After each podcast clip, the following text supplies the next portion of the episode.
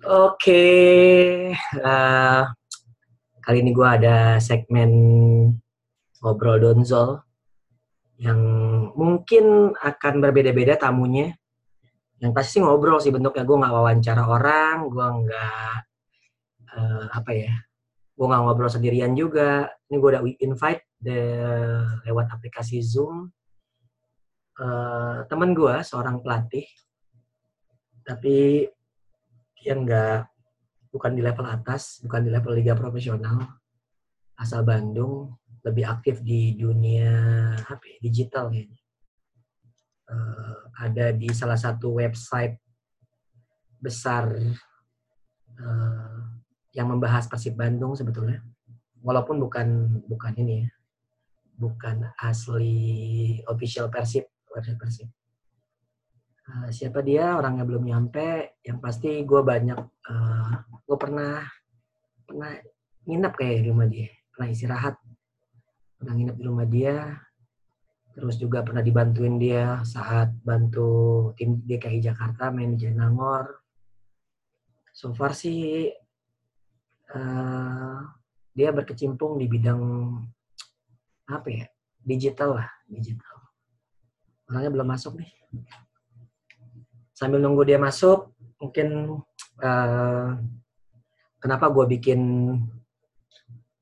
ngobrol donzo? Karena lebih kepada ini lagi masa pandemi kayak gini gue kayak butuh ngobrol sama orang-orang. Dan nggak selalu tokoh-tokoh yang lo kenal pastinya. Tapi yang pasti uh, siapa tahu bisa dapat pelajaran dari siapa aja sih menurut gue dan hari ini tanggal 6 Mei. 6 Mei. Wah, udah masuk nih. Udah masuk orangnya. Kita tunggu. Yang pasti obrolan seru akan terjadi kayaknya. Hahaha, lo pakai komputer juga, Pan? Iya, pakai. Eh, gue lupa gue pakai headset. Gue nggak pakai headsetnya. Wah, halo. Kan? Yup, siap. Sehat, sehat. Hadir. Alhamdulillah. Lu masih kerja, Van? Baru bisa online jam Masih, 10. Bang. Tadi aja masih meeting.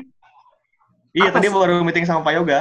Oh, Pak Yoga. Tadi gue cicit-cicit sama Pak Yoga di Twitter. Gue bilang ngobrol-ngobrol lah, Pak. Eh, malah ngobrol akhirnya sama lo kan. Tadi gue mau ngajak dia ngobrol juga. So far sih Uh, sebetulnya ini ini bakal jadi konten pribadi gue sih. At least gue akan taruh di YouTube channel pribadi gue, bukan di bukan di berita futsal. Cuma gue memang pengen ngobrol sama siapa pun yang menurut gue punya kekhususan di satu bidang gitu. Jadi nggak melulu harus pelatih atau atau pemain, enggak enggak. Karena dunia gue sebetulnya kan dunia yang gue jalani ini luas banget ya. Dunianya seorang Donzol nih yeah bisa dibilang bukan cuma as a coach. Mungkin orang orang kenal gue as a coach tapi gue pengen ngobrol sama orang-orang yang notabene sebetulnya banyak uh, situasinya kerjasama juga sama gue. Nah tapi di bidang-bidang lain. Pan lo sehat pan? Alhamdulillah sehat bang. Sekeluarga sehat istri sehat? Sehat alhamdulillah. Oh, nggak pulang kampung dong istri masih istri enggak nggak pulang istri masih sibuk dia kan kerja di Tokped ternyata wow. ada penemuan baru nih Tokped uh, malah kurva penjualannya meningkat ketika pandemi bang. Loh emang semua kan? Ya teman gue di Shopee gila-gilaan e-commerce gila-gilaan. Salah satu bidang yang nggak kena atau yang malah the winnersnya lah ya e-commerce lah. Lo istri lo di Tokped? Bandung? Tokped. Iya area Bandung Oh. Bandung. Terus lagi banyak-banyaknya nih, lagi banyak-banyak kerjaan tuh istri lo. Iya, lagi banyak banget. Cuman dia dong kayak yang kerja, yang lain pada puyeng. Tapi basically istri lo emang emang digital juga kan? Enggak, basicnya dia dosen. Oh, malah dosen. Oh, dosen. Gue kira malah kayak lo digital gitu. Kalau lo sendiri kan sekarang ngapain aja sih tiap hari? Udah pasti lo inilah ya karena lo tipe kalong nggak mungkin tidur lah sebelum sahur lah kayaknya kayak, kayak tidur lo habis subuh kayaknya ya iya, iya betul. Tiap hari justru lagi nggak ngapa-ngapain karena liganya kan berhenti. Nah, liga berhenti Terus, tuh. Terus, iya kebetulan kan ya kerja kan pegang akun Liga 1 terus sama si Mamaung. Si Mamaung kan soal Persib. Hmm. Ya ketika dua-duanya berhenti, sebetulnya udah cari cara sih ya, udah cari cara supaya tetap hidup kontennya, tapi ternyata lumayan tetap sulit. Eh, kita udah coba kayak pakai kalau di luar negeri kan kayak Inter Milan misalnya dia kayak uh, live tweet pertandingan-pertandingan yang lama gitu di live tweet yeah, lagi. Yeah. Terus uh, ya semuanya cari, cari konten di zaman dulu lah. Iya, lu juga edit, editing editing gol-golnya juga lucu-lucu tuh. Ada tank segala segala macem angin. Iya, akhirnya nyari yang badai. itu siapa yang bikin sih? Akhirnya nyari yang gitu. Apa sih? Si Kojek ada. Idenya ide siapa? Lu? Iya, ide bareng-bareng lah. Bareng-bareng ya. ide diapain aja. Iya, iya. Sekarang tuh sem hampir semua akun sosial media olahraga tuh udah yesterday yesterday lah ya. Apa liputan-liputan zaman dulu atau statistik-statistik iya. main segala macam. Udah sulit ya. Konten-konten udah udah ngap juga ya mau mau bikin apa pun juga kayaknya uh, yang terbaru udah pasti nggak ada. Nah, lu Liga 1 iya, libur terus Liga 1 ngapain tuh? Sekarang akunnya? Uh, nggak ngapa-ngapain. Uh, cuman posting foto sama posting vi sama video throwback video throwback video gol di dua musim lalu di musim lalu sama musim sekarang. Hmm. Jadi misalnya minggu ini nih uh, minggu ini ada gol di menit 90 ke atas. Satu oh, minggu berarti itu berarti bikin tujuh video. Minggu keduanya gol uh, gol penalti selama tujuh hari itu gol penalti minggu ketiganya penyelamatan di garis gawang seminggu itu garis gawang gitu doang per minggu aja bikin. Gila ya. Saking ininya ya saking bingung uh, konten nih luar biasa gue gue juga iya. gue juga ngelihatnya tapi masih masih termasuk kreatif sih uh, dari dari segi ininya. Terus lu ngantor apa work from home? Work from home nggak ada kantor nggak ada nggak boleh ke kantor. Nggak boleh. Oh di Bandung bukannya kemarin tanggal 5 udah PSBB udah selesai apa enggak diperpanjang lagi diperpanjang ngikutin Jawa Barat ya dia diperpanjang lagi sampai tanggal 19 Lagian kalau nggak salah gue baca kantor kenapa? Iya, lagi kantor juga kan digital kantornya digital jadi nggak nggak harus ke kantor dan emang nggak usah ke kantor nggak dibolehin ke kantor udah ketemunya di sini aja di di lain di di zoom, zoom. di meeting zoom juga lo ya sama sama semuanya. Iya. Mantap. Iya sih. betul. Paling anak-anak video videografer aja yang bingung ya. Paling mereka edit editing editing doang ya. Kalau misalnya nggak ada konten iya. itu mereka juga nggak bisa nyari gambar atau apa pun.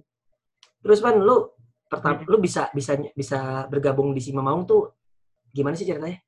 Soalnya soalnya kan gua sendiri uh, kenal lu tuh waktu kita uh, apa gua ada acara coaching klinik kan ya Sebelum itu iya, lo kenal gue gak sih? Masa kita pernah ketemu gak sih? Belum pernah saya, tapi nge-follow IG abang kan. Iya, iya. Salah satu yang paling hits pelatih kan dan soalnya. yang paling riwe, yang paling sosial media banget lah kan kata orang. Tapi tapi lo ini ya apa? Itu pertama kali kita ketemu pada saat uh, coaching klinik di uh, ini ya apa Inspire ya, football ya apa? apa namanya yang di Lembang? Iya Football Plus, Football Plus. Lo peserta pembicaranya gue, Andre Irawan. Andre Irawan. Timo Suman nih. Wah, Matias Ibo. Matias Ibo, Timo Suman juga kalau nggak salah. Iya, Mas iya, Timo. Iya, iya, iya, iya. Iya, iya. Itu pertama kalinya kita ketemu ya. Betul. Kali kita ketemu. Oke, tuh terus lo saat itu emang ngelatih futsal apa gimana sih? dari dulu kan dari zaman di Pandeglang kan emang udah sering ngelatih tuh. Ngelatih bola di kampung, ngelatih bola, ngelatih futsal. Oke. Okay. Tapi kan nggak tahu dasarnya. Terus misalnya mau jadi pelatih bola kan agak susah ya si eh, langkahnya susah. Jenjangnya, harus, jenjangnya sepak bola emang ya, susah. Jenjangnya uh harus ke asprof. Misalnya katakanlah mau yang D aja yang paling rendahnya uh, harus ke asprof. Asprof harus, harus ada rekomendasi SSB. Oh Betul. Rekomendasi harus ada kita harus ngalahin mantan-mantan kan misalnya jatahnya cuma 25. Iya. Yeah. Itu tuh 24-nya kayaknya udah dikasih mantan deh. Satu-satunya yeah. itu pakai siapa gitu. Iya, yeah, nah, yeah. Terus ya agak masih sulit lah ya harus dari Aks, itu paling rendahnya aja deh. Iya, aksesnya sepak bola emang lebih sulit. Itu belum ke C, belum ke B ya. Uh, perjalanannya panjang lah. Terus um, pas pindah ke Bandung ada itu loh bukan pelatih futsal uh, kayaknya memang lebih gampang kalau futsal kayaknya sedang dipermudah lah nggak tahu waktu itu pemasalan federasi lagi bikin disebutnya pemasalan ya, federasi kayaknya hmm. lagi bikin uh, banyak, memproduksi banyak pelatih, pelatih. deh mau jelek mau kagak yang penting dibikin dulu aja kayaknya mereka gitu betul karena kan uh, di di Korea sama di Jerman gitu kan mereka memproduksi pelatih dulu kan sebelum yeah. pemain gitu. Betul. mungkin mungkin dipakai dipakai program itu di futsal ya akhirnya hmm. kebenaran lah saya dapat program itu ikut ikut futsal. Nah sebelum ikut futsal uh, sebelum futsal ikut lisensian itu saya ketemu si Simon. Oh, Simon Ray Valen. Ray Valen. Iya Simon. Kata Simon lu ikut. daripada daripada ikut lisensi dulu mending cari pengalaman dulu kata Simon. Hmm. karena percuma kalau punya lisensi tapi pengalamannya jelek juga. Ikut Betul. aja kursus-kursus dulu. Kalau ada hmm. kalau ada ya, kursus lu ikut kursus lu ikut sambil yeah. uh, kalau ada turnamen-turnamen ya lu bawa tim aja. Nah dari situ saya ngikutin si Simon ikut-ikut turnamen dulu kuliah. Terus hmm. uh, pas ada salah satunya ada coaching klinik tuh ikut abang. Ah iya iya, iya iya iya iya. Tapi lu lu udah udah follow gue ya sebelum ikut coaching klinik itu ya? Udah. Oh, berarti udah, sedikit udah banyaknya tahu kelakuan gue lah ya. Karena emang kadang gue juga gue juga suka dapat opini-opini ajaib sih dari orang-orang mengenai apa karir gue maupun kelakuan gue. At least ya so far sih alhamdulillah banyakkan sisi positifnya. Uh, lu terus abis itu abis dari kursus uh, dari dari uh, coaching klinik itu lu langsung ikut kursus. Jenjangnya berapa ya, lama? dari situ berapa tiga bulan apa ya tiga bulan apa empat bulanan gitu uh, ikut kursus di Jatinangor. Kursus yang di Jatinangor. Instrukturnya? Ikut kursus. Panca. Efraim, Efraim sama oh. Andri Irawan. Wow, legend dua-duanya. Dua-duanya. Efraim, Andri Irawan, Pai. Oh. Terus lu ngambil level, level 1 FC udah belum? Belum. Oh, tapi tapi sebetulnya apa sih yang menjadi motivasi buat lo untuk lo punya license gitu. Karena kan kalau gue nih ya, gue ngeliat banyak pelatih-pelatih tuh kayak license itu kayak as a pride aja gitu. Tapi satu sisi seperti yang Simon bilang, percuma punya license kalau misalnya pengalaman ngelatihnya juga uh, ya acak-acakan gitu. Kalau lo sendiri uh, karena emang emang suka ngelatih ya? Suka ngelatih dan pengen tahu kalau misalnya ikut lisensian tuh kayak gimana sih gitu awalnya kan hmm. selama ini udah ikut kursus-kursus tuh hmm. terus kata yang ikut kursus sebenarnya lu lisensian juga lebih gampang dari ini kok banyak yang bilang gitu pas kursus termasuk yeah, bang, yeah. bang Donzel kan iya yeah.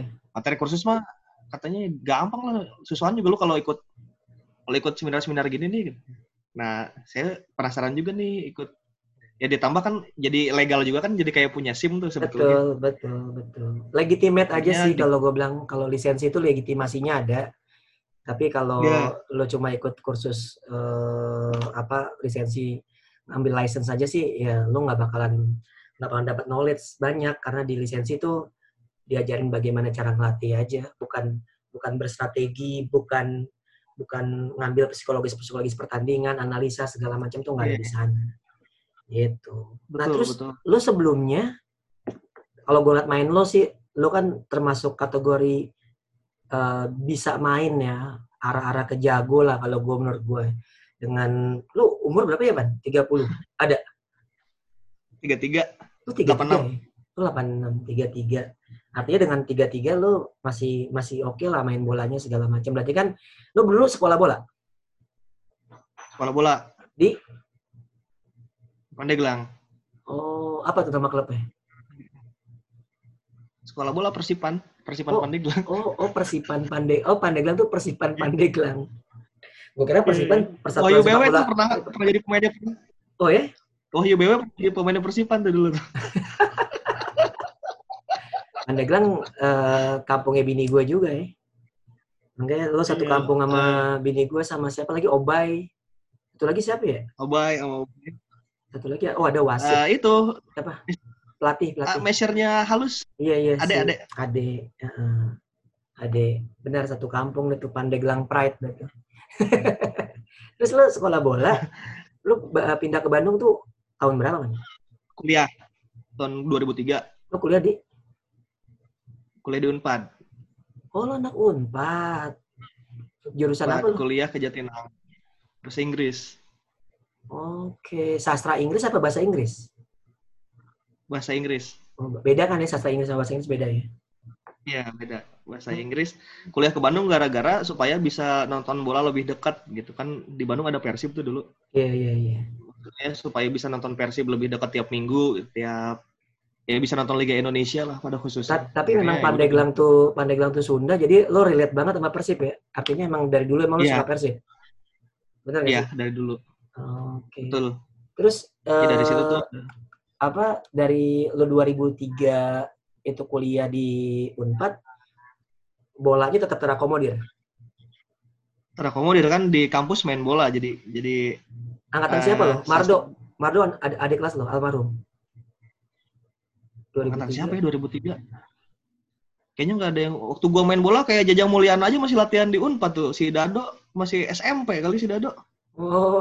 Jadi kalau gua pulang kampus Dado lagi lari-lari. Si Dado kan Deddy Kusnandar itu yeah, yeah. emang rajin kayak dari jam 2 dia udah lari-lari sendirian. Ngapain kata gua nendang-nendang bola kena tiang sendirian tuh di lapangan Unpad inget banget. Terus Jajang hmm. Mulyana kalau pulang dari Brasil kan dia sempat di Buah Vista. Waktu gue di Jatinangor si Jajang lagi di Brasil. Oh. Jadi kalau pulang latihan di situ, ya ikut main aja di situ sama anak-anak kampung, sama anak-anak anak kampus. Tapi 2003 belum ada futsal lah ya di sana ya. Lo masih sepak bola pasti ya. Iya ada futsal futsal culun gitulah futsal futsal pakai bola street soccer plastik ya. terus street soccer street soccer gitu ya. Terus lu lu waktu kan, waktu itu futsalnya tahun berapa?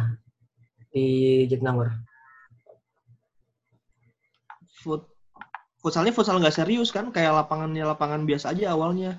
Mulai hmm. serius futsal ya itu 2000 pas futsal Indonesia mulai naik ke permukaan.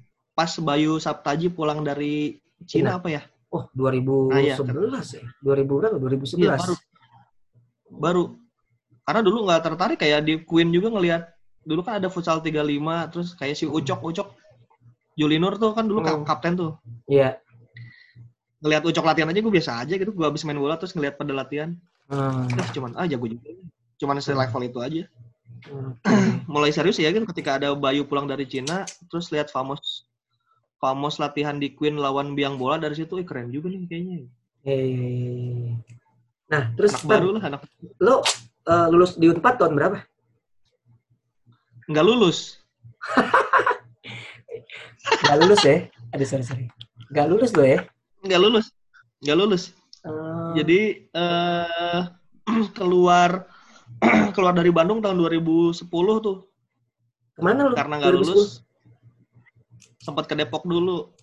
Ngapain persikat? Kerja. oh, kirain. Kerja apa di Depok? Kerja ngasih-ngasih apa barang-barang ke hotel kayak supplier saus, supplier yeah, supplier, supplier produk ke hotel. Oh, yeah. berapa lama Tapi, di Depok? Setahun apa setahun setengahan ya. Itu di Depok ketemu si itu si Fauzan Hadiatsa itu. Fauzan. Satu oh, Fauzan kecil, pelatih. Fauzan kecil. Nah, itu satu komplek rumah tuh sama dia. Oh, berarti lu Pitara Raya dong? Pitara Raya ya, bukan? Eh, iya, Pitara. Bener ya? Kalau gue pernah coaching klinik di sana dan Paujan di sekolahnya Paujan. Katanya Paujan dari rumahnya sana. Gitu. Iya di Pancoran Mas di situ. Iya, Pancoran Mas. Kenal Ojan gitu. Hmm. Ya tapi masih tetap bola gede, belum futsal. Pas mulai futsal ya pas akhirnya ke Bandung tuh 2012 ke Bandung lagi. 2000 oh, 2000, oh cuma dua tahun saya, di Depok. Iya, di Depok ke Bandung karena ada panggilan itu pegang Indonesian Premier League. Oh, IP, dulu ada IPL. IPL. LPI bukan sih? Iya. LPI betul, LPI. Oke. Okay. Liga Premier Indonesia. Lo diminta siapa tuh? Marbun. Marbun sama ZNRS. Wih, legend semua ya. lu lu bisa kenal iya, sama mereka. Marbun dan Zen itu dari mana ya? Oh, lu Liverpool ya? Dari Twitter. Loh, dari Twitter berarti ada ketertarikan mereka sama lu karena lu nge-tweet tentang bola atau nulis? Iya, iya betul. Betul, nulis-nulis tentang bola. Terus mereka nanya, lu bisa nulis tentang bola nggak? Bisa, Tapi saya cuma bisanya sepak bola lokal karena sepak bola luar saya nggak terlalu ngerti. Hmm. Lah, kata dia emang kita butuhnya sepak bola lokal. Coba lu tulis satu tulisan, kata dia. Oke. Okay. saya nulis. Yang minta gitu Marbun Terus apa Zen? Dua-duanya. Dua-duanya. Oh. Eh, Zen, Zen. Zen. Zen. Kalau Marbun akhirnya pas lihat tulisan saya, iya sah Zen, kata ini siapa Zen? Ceripan. Itu tarik aja ke IPL statistik. Itu ngurusin statistiknya IPL lah dulu. Oke. Okay. Gitu. IPL statistik Jadi, ya, bukannya Liga. Bandung FC ya? Bukan, IPL satu liganya, liganya kita pegang. Okay. Jadi satu pertandingan misalnya Persijap Jepara lawan Persibo Bojonegoro, mm-hmm. uh, kita ngitung nih semuanya, passingnya. Lu dapat uh, ilmu statistik itu dari mana? Di di coaching sama si Zen satu minggu lah kalau nggak salah. Oh, Oke. Okay. Si Zen. Berarti di training terus, juga ya sama dia. Ya? Iya, Mas Hedi. Terus Wih. si ngeri-ngeri juga ya di belakang layarnya itu ya. Artinya nama-nama Zen, Hedi, Arista itu supporter. Arista juga kan di situ si, kan, setahu gue. Ya, Arista, si Akmal hmm. yang Akmal, Bang Yuda Huligan. Yuda, ya Yuda. Iya, iya kan. Yuda, Yuda Big Reds kan. kan Tangerang Wolf. Iya. Iya, Yuda Big Reds. Iya, Yuda Big Reds. Ya, gue kenal, gue kenal Yuda kenal. dari zaman dulu. Iya, betul. Terus baru tuh, lu akhirnya berkecimpung di dunia media tuh saat itu tuh.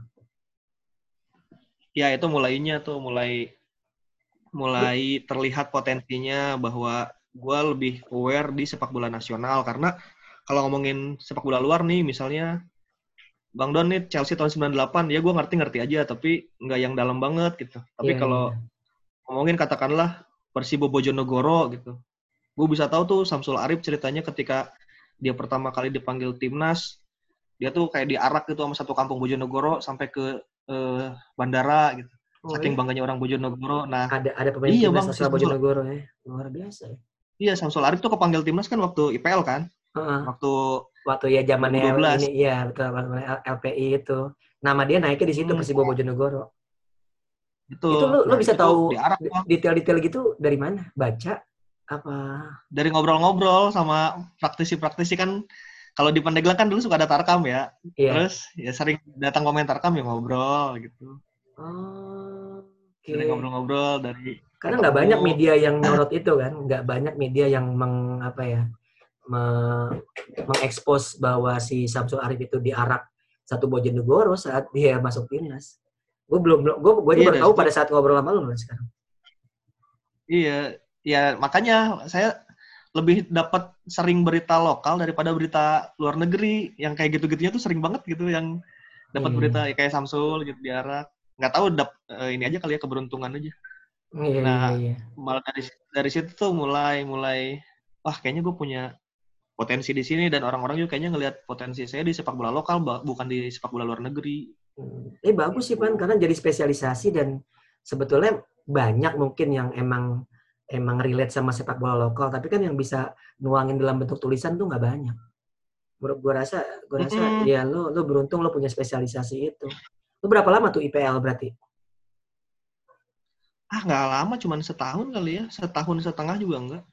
Kan liganya hmm. akhirnya berhenti dilebur lagi jadi ESL. Ya, jadi apa dulu ya? ESL 2013 kalau nggak salah. Iya, iya, iya. iya. Nah, itu zamannya apa Johar Arifin ya? Eh? Iya, uh, zamannya Johar Arifin Lanyala. Uh, iya, iya. Itu itu konflik konflik besar PSSI sih saat itu. Nah, terus setelah dari bareng sama Zen, sama Marbun. Lu terus pindah ke Simamaung tuh gimana ceritanya?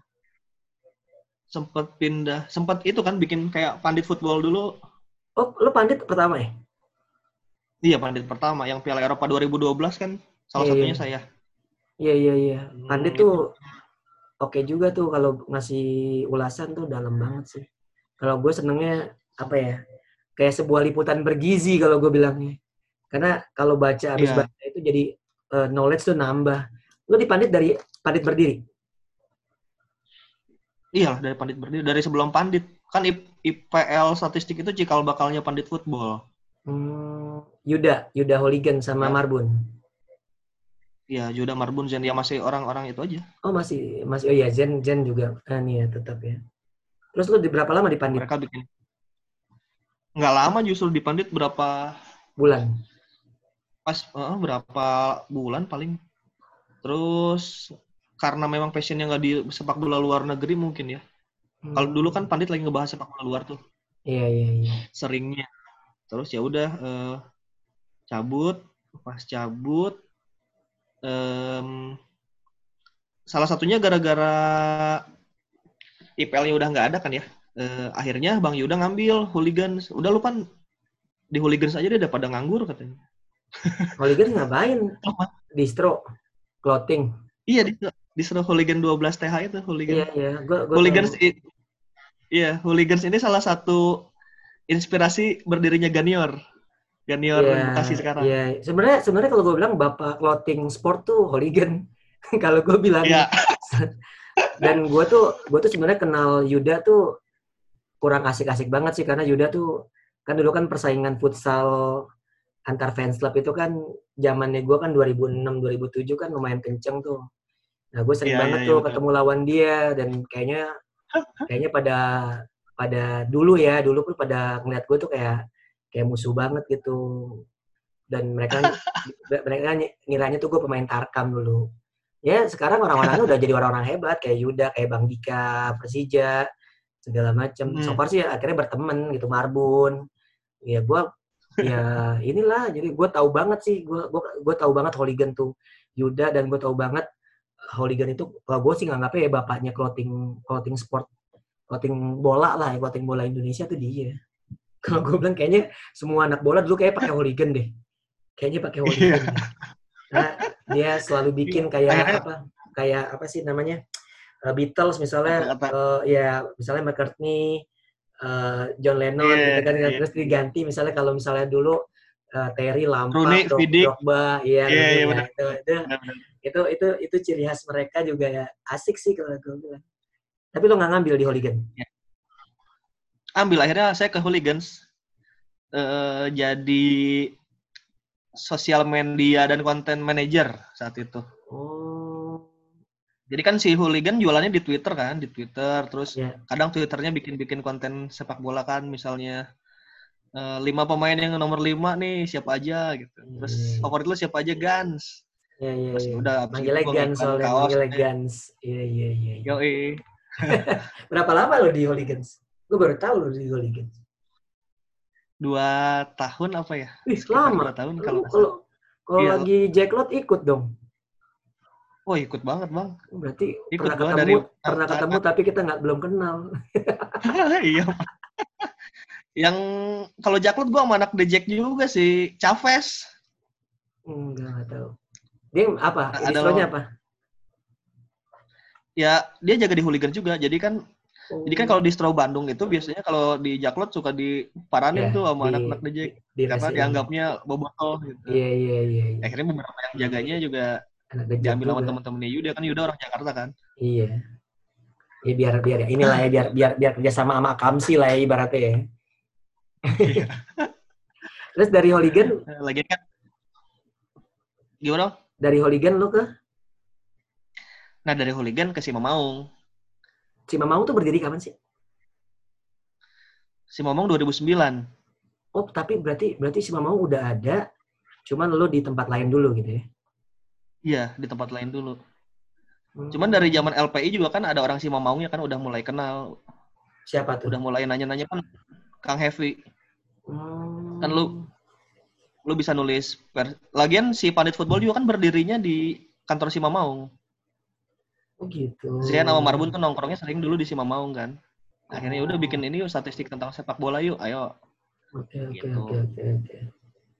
Iya dulu tuh bola total yang bikin Pange dan kawan-kawan. Lalu lu ya, betul. pada bikin pandit football. Dulu tuh dulu tuh uh, bola total tuh arahnya ke jersey jersey forum anak jersey forum tuh sama si Angga Penguin Rock yang hmm. lumayan di Twitter lumayan kencang dulu. Berarti yeah, lo yeah, di Simamaung dari tahun 2013? Iya 2013. Satu lu tahun diambil diambil siapa? Payo Payoga. Adrian, ada namanya Adrian uh, yang in charge-nya. Kalau Payoga kan owner lah ibaratnya. Oh, Oke. Okay. uh, Adrian telepon Yuda, Yud, uh, Ripan masih dipakai nggak di Hooligans? Gue mau pakai Ripan nih katanya gitu. Hmm. Kata Yuda, ya lu tanya aja anaknya kalau dia mau ya sok aja ambil aja. Hmm, iya iya iya. Ya udah akhirnya ditanya, Pan lu masih mau mau nggak? Uh, pertimbangan Pas. saya bisa nonton Persib kan? Iya, pasti. Bisa nonton Persib tiap ada main kan, akses, kan terus. Ada ya. akses lebih lah ya ke Persib lah ya. Ya, ada akses lebih gratis. Hmm. Ya udah akhirnya saya ambil si Mamaung aja ya udah bang saya pamit ya dari hooligan saya mau nonton Persib juga sih hmm. ya udah nggak apa-apa lagian lu kalau di sini bolos mulu lu kalau Persib main kata dia ya iyalah kalau sana pasti urusannya nggak bakalan bisa ditahan terus lo sampai sekarang di mau lo sebagai apa pan awal sebagai apa store manager loh si mau ada ada store ada ada ada apa, merchandise merchandise Persib juga Oh. Dulu sih merchandise Persib juga ya. Kalau sekarang nggak kan nggak boleh ya jualan yang berbau Persib. Iya, iya Harus iya, Persibnya aja gitu. Hmm, udah, Jadi ya jualan udah monopoli, udah monopoli ini ya. apa hak-hak mereka. Salah satu iya. klub yang cukup ribet mengenai branding ya. Karena memang Betul. ini opini gue di luar orang Persib, di luar pendukung Persib juga ya, ya kan. Jadi gue pun orang luar aja gue bisa merasakan gitu karena agak-agak sedikit ribet juga. Gue kalau ke, lagi ke Bandung naik motor ke, ke pojok-pojokan tuh ada aja tuh merek brand misalnya cat kerjasama sama Persib gitu kan. Tapi kayaknya lokal doang gitu kayak kayak another bisnisnya Persib lah gitu. Yang versi di iya, kotanya yeah. aja gitu. Nah, lu di mau awal store manager. Sekarang store manager. Sekarang siapa ya? Sekarang free roll sebetulnya udah apa aja dikerjain ya. Tapi spesialisasi lo apa sih? Lo editing video kah? Atau lo uh, kreatif kah? Atau lo video apa uh, editor? Lo apa sih? Kalau kalau yang content manager. Oh, oke. Okay. Berarti lo yang oke okay, oke. Okay. Berarti lo yang ya yang yang ini ya yang ngelit untuk bagaimana konten-konten yang yang emang nanti diposting di sosial media Cima Maung ya. Keren sih, gue Iyalah ide, ide, ide, ide, ide liar ya. Ide-ide liar. Ide-ide liarnya. Iya kayak kemarin gol Atep kita turunin dari UFO aja ya, biar Atep kayak alien gitu. Iya iya iya. Ya udah dipikir mana. Gue lihat ya, kok, gue lihat. Kampret banget sih itu bener. bener. Maksud gue uh, apa BR football juga nggak bikin gitu-gitu banget gue. Gue nggak tahu sih lu ngeliat dari mana. Pasti pasti ada referensinya sih kalau menurut gue uh, akun-akun lokal tuh pasti ada punya referensi dari akun-akun luar negeri sih. Kalau gue sih merhatiin hmm. sih masih kayak gitu walaupun walaupun idenya dikembangin artinya nggak nggak plak ketiplak jiplak juga tapi ya so far yeah. sih so far sih oke okay sih kalau gue ya lu salah satu salah satu yang mencuri perhatian di saat official website uh, klubnya itu gitu-gitu aja itu menurut gue jadi bukan karena lo temen gue tapi kan gue kan bukan net, orang netral yang yang memang bisa menilai lah. Apalagi gue juga soal digital media gue tuh sangat apa ya, sangat concern banget walaupun gue tuh nggak, ya aware sih. Gue mungkin nggak bisa bikin bagus gitu, tapi gue seneng aja kalau ngeliat orang-orang kreatif uh, yang di sosial media atau di, di uh, digital kontennya tuh benar-benar di konsep, benar-benar di ya apa ya, benar-benar dipikirin lah gitu, bukan asal posting. Karena, Betul, mikirin copywriting dan lain-lain. Iya karena, karena karena gini bang mungkin ya mungkin ini saya menganali coba menganalisa ya hmm. karena latar belakang saya eh, kayaknya mumpuni untuk akhirnya menghasilkan karya maksudnya itu kan nggak dari itu kan perjalanan panjang ya eh, kalau tadi abang dengar cerita saya saya dulu jadi pemain bola di kampung gitu pemain bola hmm. kampung yang yeah. rekam rekaman ya main bola culun lah gitu bukan hmm. pemain pro tapi berarti setidaknya saya tahu cara cara ketika menghadapi tekanan lawan, cara bagaimana sepak bola Indonesia bergerak gitu. Maksudnya nggak ideal kan kalau di sini. Betul. Uh, termasuk kalau masuk ke stadion kayak WC aja nggak bisa lu harus kencing harus kencingnya kan di stadion di botol di, di, botol di air mineral iya di botol air mineral nah, di, lu, lu kesel lu timpuk nah, Iya ya benar benar kan. Terus wasit nggak pernah ya wasit nggak pernah bisa bener lah kalau di Eropa kan. Nah kalau yang lain kan lahir ketika dia nonton sepak bola Eropa dulu tuh yang penuh dengan idealis ideal betul, banget lah konsep betul. Eropa kan. Mereka nggak ngerasain kan ambience kan, ambience sepak bola lokal. Mereka belum nah, merasakan itu, ambience sepak bola lokal. Mereka udah udah udah nerima udah nerima hebatnya Cristiano Ronaldo, Lionel Messi. Iya. Lo kan nggak mungkin ngebandingin Ronaldo sama Atep gitu. Di apple to apple ya pasti ya pasti kalah lah orang sama yeah. Asia Tenggara aja kalah. iya, iya, nah, iya. kalau saya mungkin gara-gara perjalanan itu jadi tahu konteksnya, tidak membandingkan dengan luar negeri. Terus eh, kebetulan juga bisa copywriting karena pernah nulis-nulis di Pandit itu kan dulu pernah yeah. diajari cara menulis, hmm. cara menulis yang orang suka, cara menulis yang orang nggak suka gitu. Hmm. Terus cara ngeframe, ngeframing biar orang seneng. Nah, hasil pembelajaran itu jadi bisa berkumpul gitu di otak bisa jadi gimana orang nerima nggak usah mikir tapi maknanya dalam nah, lu kayak enak gitu, ya kayak gitu lu enak ya dapat pembelajaran yang yang apa ya ya walaupun itu learning by doing ya at least lo bukan dari sekolah tapi yeah. dari dari ngobrol nyebur dari, aja udah iya doang lu, ya. lu nyebur. Gue tuh gue gue tuh kadang kalau gue ya kadang orang bilang caption lu oke okay, coach gitu ya. Caption lu dalam ya coach caption lu. Gue kadang mikir gue sebetulnya juga gue nggak belajar gitu gue cuma baca sih.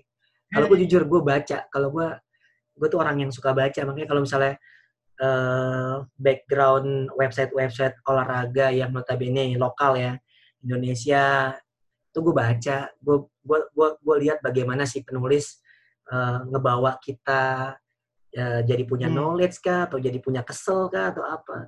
Kalau gue baca sih Van gue gue nggak punya mentor copywriting sama sekali kayaknya. Gue kayaknya gue emang emang apa ya emang orang yang otodidak banget sih kalau kalau soal-soal ya kayak editing video lah editing video tuh uh, puasa tahun lalu gue bisa. Gue pakai gue gue gue pakai PC gue buka MacBook gue PC nyetel YouTube gue di MacBook gue Final Cut Pro gue. Oh kayak gini. Oh ini uh, motong kayak gini. Oh ini ini masukin lagu kayak gini. Udah gitu aja.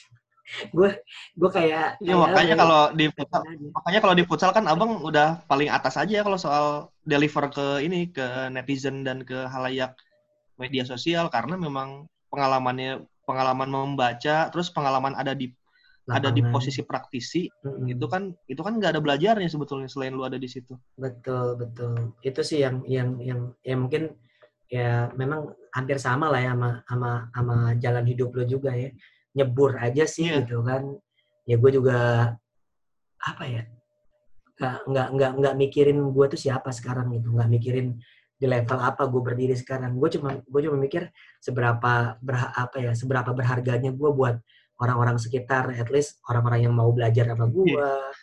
kayak gitu segala macam terus si Mamaung dari tahun 2013 sampai sekarang jadi content manager segala macam ini lo merasa ini tempat lo nggak nggak ada keinginan untuk pindah atau bikin sesuatu sendirian. Iya. Uh, sementara saya ngerasa ini tempat saya karena hampir semuanya uh, bisa didapat di sini kayak tim yang bagus, bos yang enak kan hmm. jarang ada bos yang enak ya kalau bos saya kan Pak Yoga tuh hmm. dia bisa enak banget lah. Ya, Terus gue ngobrol Pak Yoga sebentar juga dapat ilmu banyak. apalagi lu yang yang betul-betul anak buahnya ya gue kadang-kadang suka suka amazed sama sama dia aja gitu makanya tadi tuh di twitter gue tawarin untuk dia bikin uh, apa ya apa bikin ngobrol-ngobrol dong gimana caranya bisa dapetin sponsor atau bisa bisa hmm. bisa uh, sponsor tertarik sama sebuah klub gue karena kan gue pikir uh, secara literatur dia jelas ya artinya kalau gue ngomong mungkin oh kayak gini lo harus bikin sosial media kayak gini. Mungkin gue nggak nggak teratur lah gue kalau ngomongnya tapi kalau dia pasti kan dengan dengan gaya bicaranya dia segala macam itu apa ya pasti akan lebih jelas. So far lu nyaman banget ya di di si Mamaung ya karena emang uh, environmentnya juga lingkungan kerja sama pertemanannya juga asik-asik aja. Iya, ya, nyaman. Padahal kalau ngomongin ini ya, ngomongin ngomongin materi gitu, jauh bang. Hmm, Oke. Okay. Anak-anak anak-anak yang bikin-bikin karya itu kalau dibandingin sama konten kreator di Jakarta gitu atau bahkan di Bandung itu nggak ada seperempatnya kali jauh. Eh Bandung Cuman pada murah, akhirnya man. iya iya susah terus salah satu yang akhirnya saya bisa senang sama anak-anak anak-anak tuh ngerasa ini tuh bukan kerja gitu ini kayak kita bikin karya aja yuk gitu. Gitu. Jadi kalau bikin sesuatu tuh nggak ngerasa kerja mereka emang pengen bikin karya bagus. Sejauh ini dari 2013 itu masih itu yang dirasain sampai sekarang. Nggak tahu ya kalau nanti. Setidaknya kalau sampai sekarang kayak gitu. Itu yang menyebabkan kalau misalnya ada tawaran-tawaran dari yang lain katakanlah nih misalnya sekarang Persib gitu mau bayar gua berapa gitu untuk jadi content manager. Ya saya kayaknya juga nggak nggak saya ambil. Malah saya rekomendasiin orang lain aja lah kalau gue nyebutnya gini sih Pan, ini uh, di luar rivalitas Jakarta sama Bandung ya, yang dalam hmm. nggak hmm. cuma konteks sepak bola, konteks apa pun juga emang uh, Jakarta dan Bandung ini sering sering apa ya, sering berbenturan menurut gue. Karena emang secara geografis juga nggak jauh, di satu sisi eh, sama-sama kota besar, tapi yang membedakan mungkin gini, kreat kalau gue pernah pernah pernah posting di Instagram ya kalau nggak salah gue ngebahas Bandung gue bilang Bandung itu tempat kreativitas mengalir. Tapi masalahnya duit ada di ibu kota. Masalahnya, ya, betul. masalahnya saat lo uh, apa ya, saat lo di ibu kota lo nggak men, nggak mendapatkan guyup yang dirasakan di Bandung. Bokap gue, hmm. gue udah gue udah pernah bilang sama lo bokap gue orang Bandung, keluarga gue banyak juga di Bandung, di Ujung Berung, di Sindang Laya, di Jamika, itu ada beberapa keluarga-keluarga dari bokap gitu yang notabene masih kenal gue dan gue juga masih kenal baik mereka. Tapi ya memang gue bisa merasakan itu gitu. Dan bahkan asal lo tahu aja gue pernah ada tawaran dari klub asal Bandung. Itu uh, mau ngambil gue tapi gajinya cuma satu setengah, cuma satu setengah juta gila men satu setengah juta tuh gue ya, ya. mau gimana hidup gitu kan. Kalau misalnya ya kalau misalnya gue bujangan terus gue ke Bandung gue gue dapat gaji segitu sih oke okay, fine fine aja gitu. Ya gue bilang ya yeah. setengah juta. Gue harus melatih berapa klub di Bandung supaya kebutuhan gue tercukupi gitu kan. Ya agak sulit agak sulit. Dan memang pertemanan sih yang asik sih di Bandung tuh orang kaya sama orang miskin bisa berbaur dengan dengan dengan dengan nyaman Slow. gitu. Ya kalau di Jakarta walaupun ada cuman cuman nggak nggak banyak nah kayak di Bandung jadi jadi perbedaan gue ngeliatnya ada di uh, di Surabaya Kultur. sama ya ada di Surabaya sama Malang juga di Surabaya Surabaya udah udah individualistis kayak Jakarta Malang itu kayak. Bandungnya sama lah lebih dingin walaupun udah gak dingin ya Bandung juga udah gak dingin tapi kan hmm. Malang identik kalau misalnya orang Surabaya mau liburan ya ke Malang sama kayak orang Jakarta mau liburan ya mau apa weekend ya ke Bandung gitu aja jadi gue ngeliatnya uh, apalagi di sepak bola keduanya juga berseteru ya kan dan keduanya juga bersahabat. iya iya betul betul.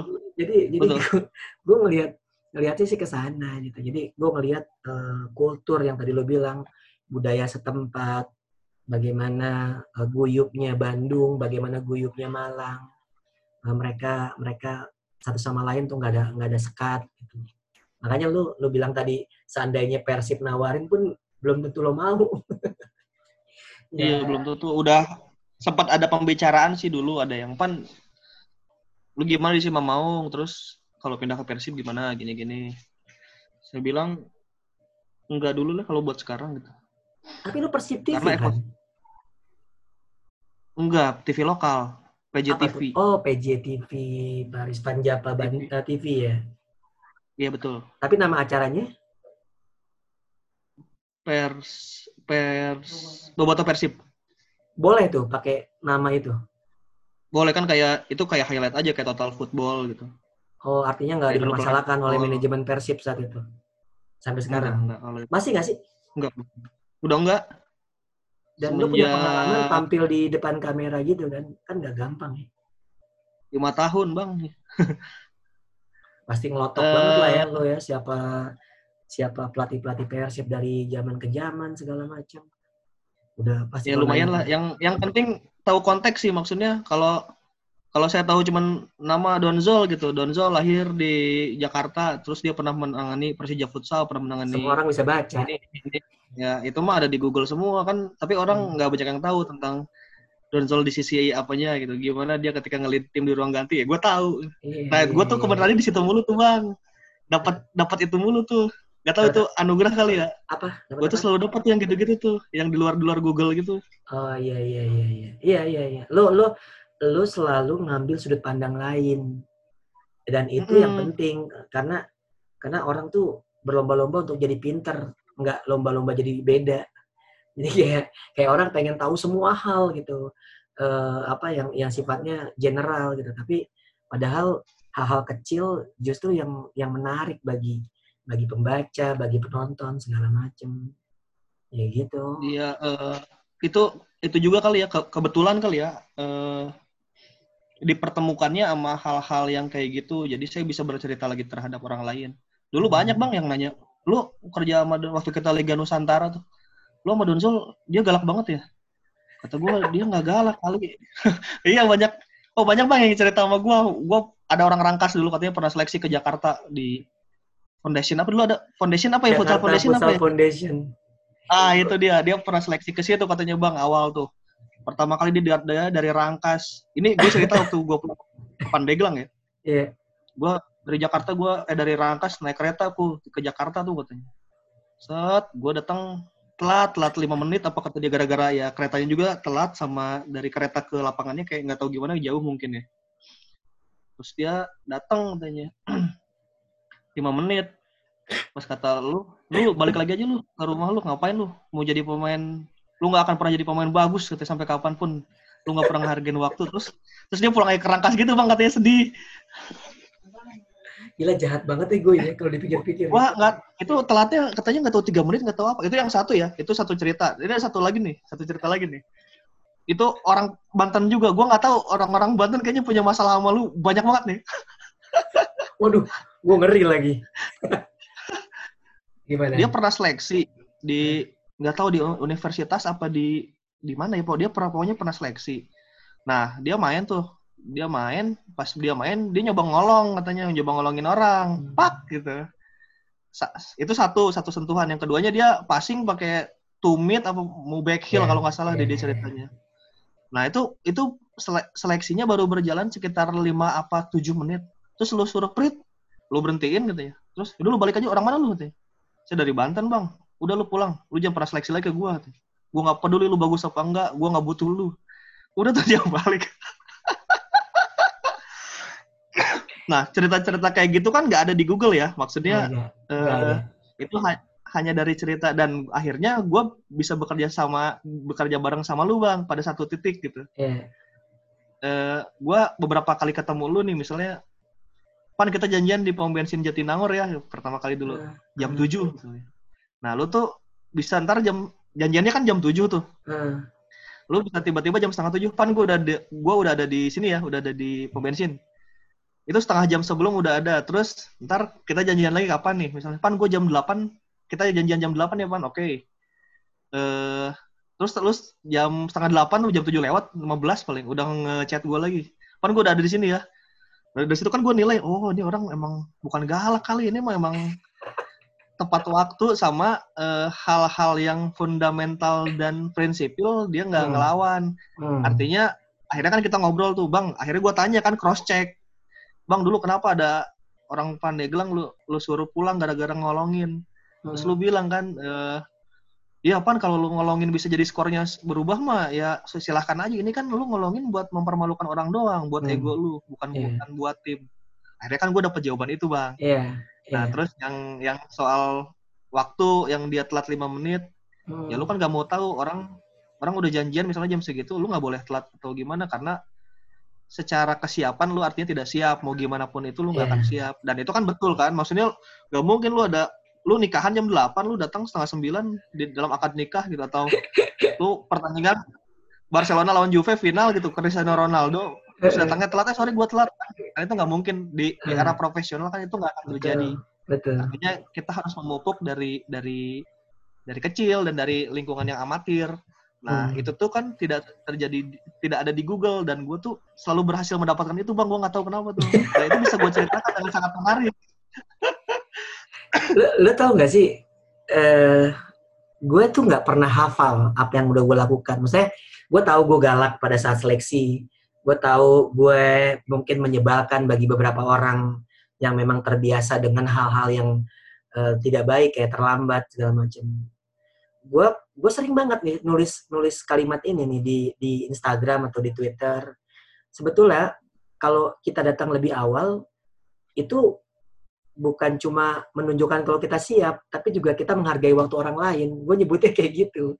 Gue tuh nggak nemu hmm. nggak nemu kuat itu dari mana pun itu keluar dari mulut gue gitu aja gitu. Jadi kalau gue uh, gue misalnya gini, gue janjian lah uh, sama si A, oke okay, jam 10, oh berarti gue berangkat, gue lihat, gue ngukur tuh, gue ngukur, oh gue berangkat uh, ke sana tuh kurang lebih segini, oh, berarti gue harus berangkat jam segini, berarti gue harus bangun jam segini, gue harus mandi gini-gini. Gue orang orangnya well plan, bukan kaku ya, tapi tapi memang orang kayak gue jarang gue merasa itu. Jadi gue kayak kayak sendirian gue merasa sendirian. Gue merasa kayak uh, orang-orang sekitar gue bahkan istri gue pun kalau udah bicara waktu sama gue tuh kayak aduh pokoknya kalau sama kamu pasti harus harus benar-benar ready banget standby bla bla bla segala macam ya iya gue gue gue merasa gini.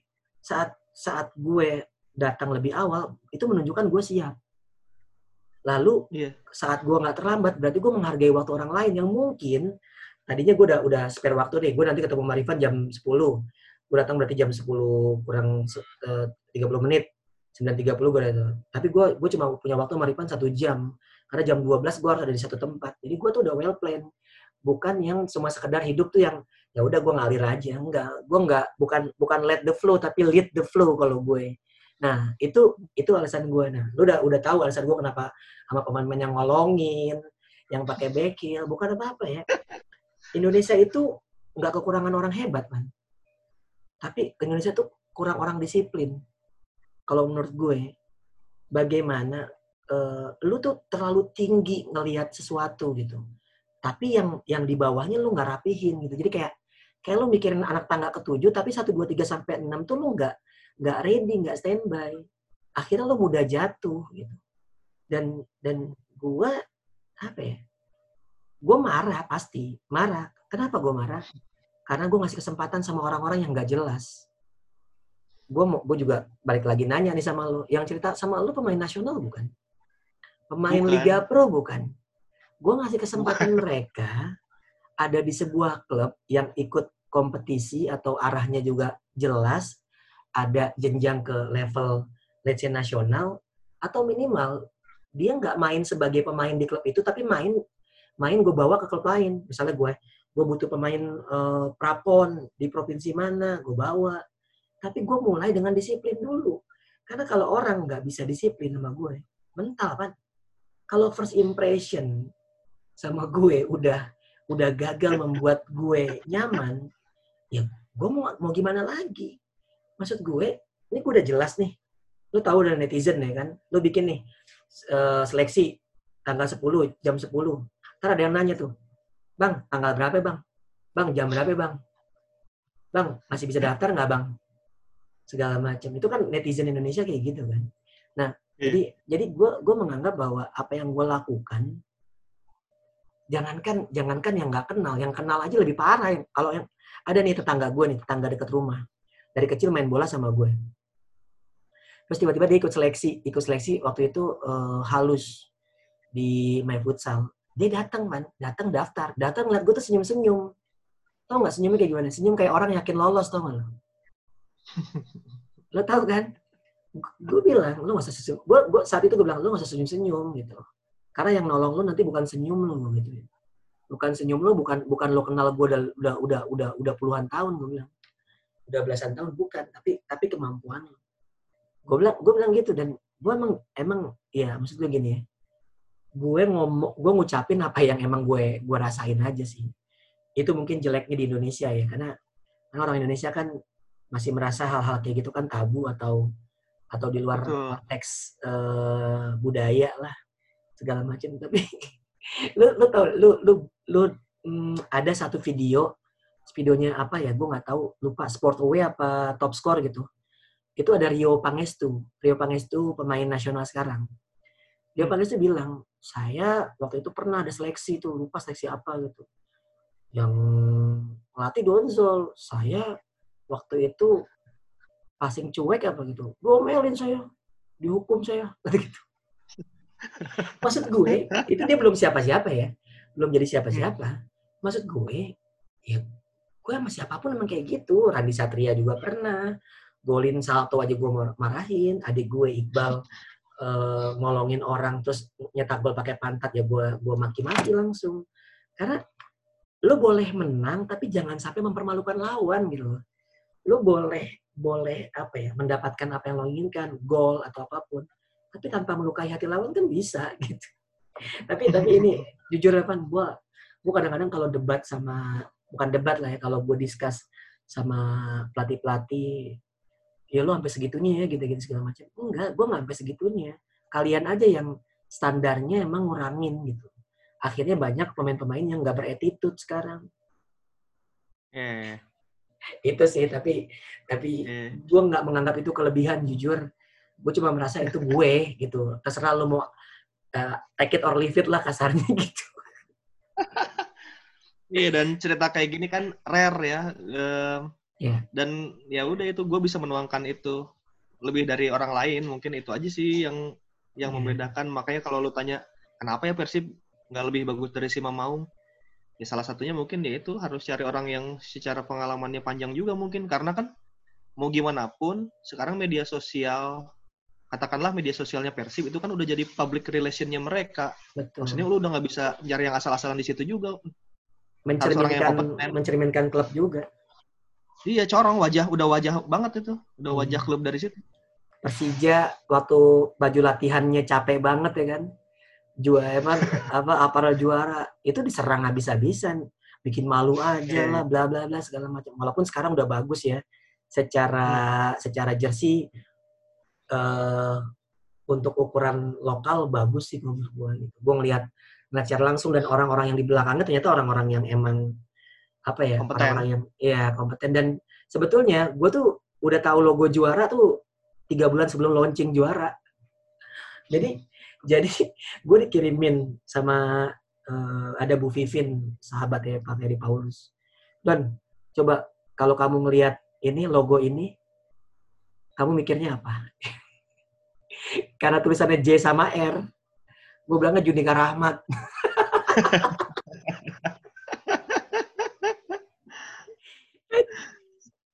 Tapi ya gitulah. Uh, apa ya diri apa ngebahas yang tadi ya gaya gue kayak gitu. Dan gue nggak mau jadi orang lain dan gue nggak ngerasa itu hebat. Itu donzol udah.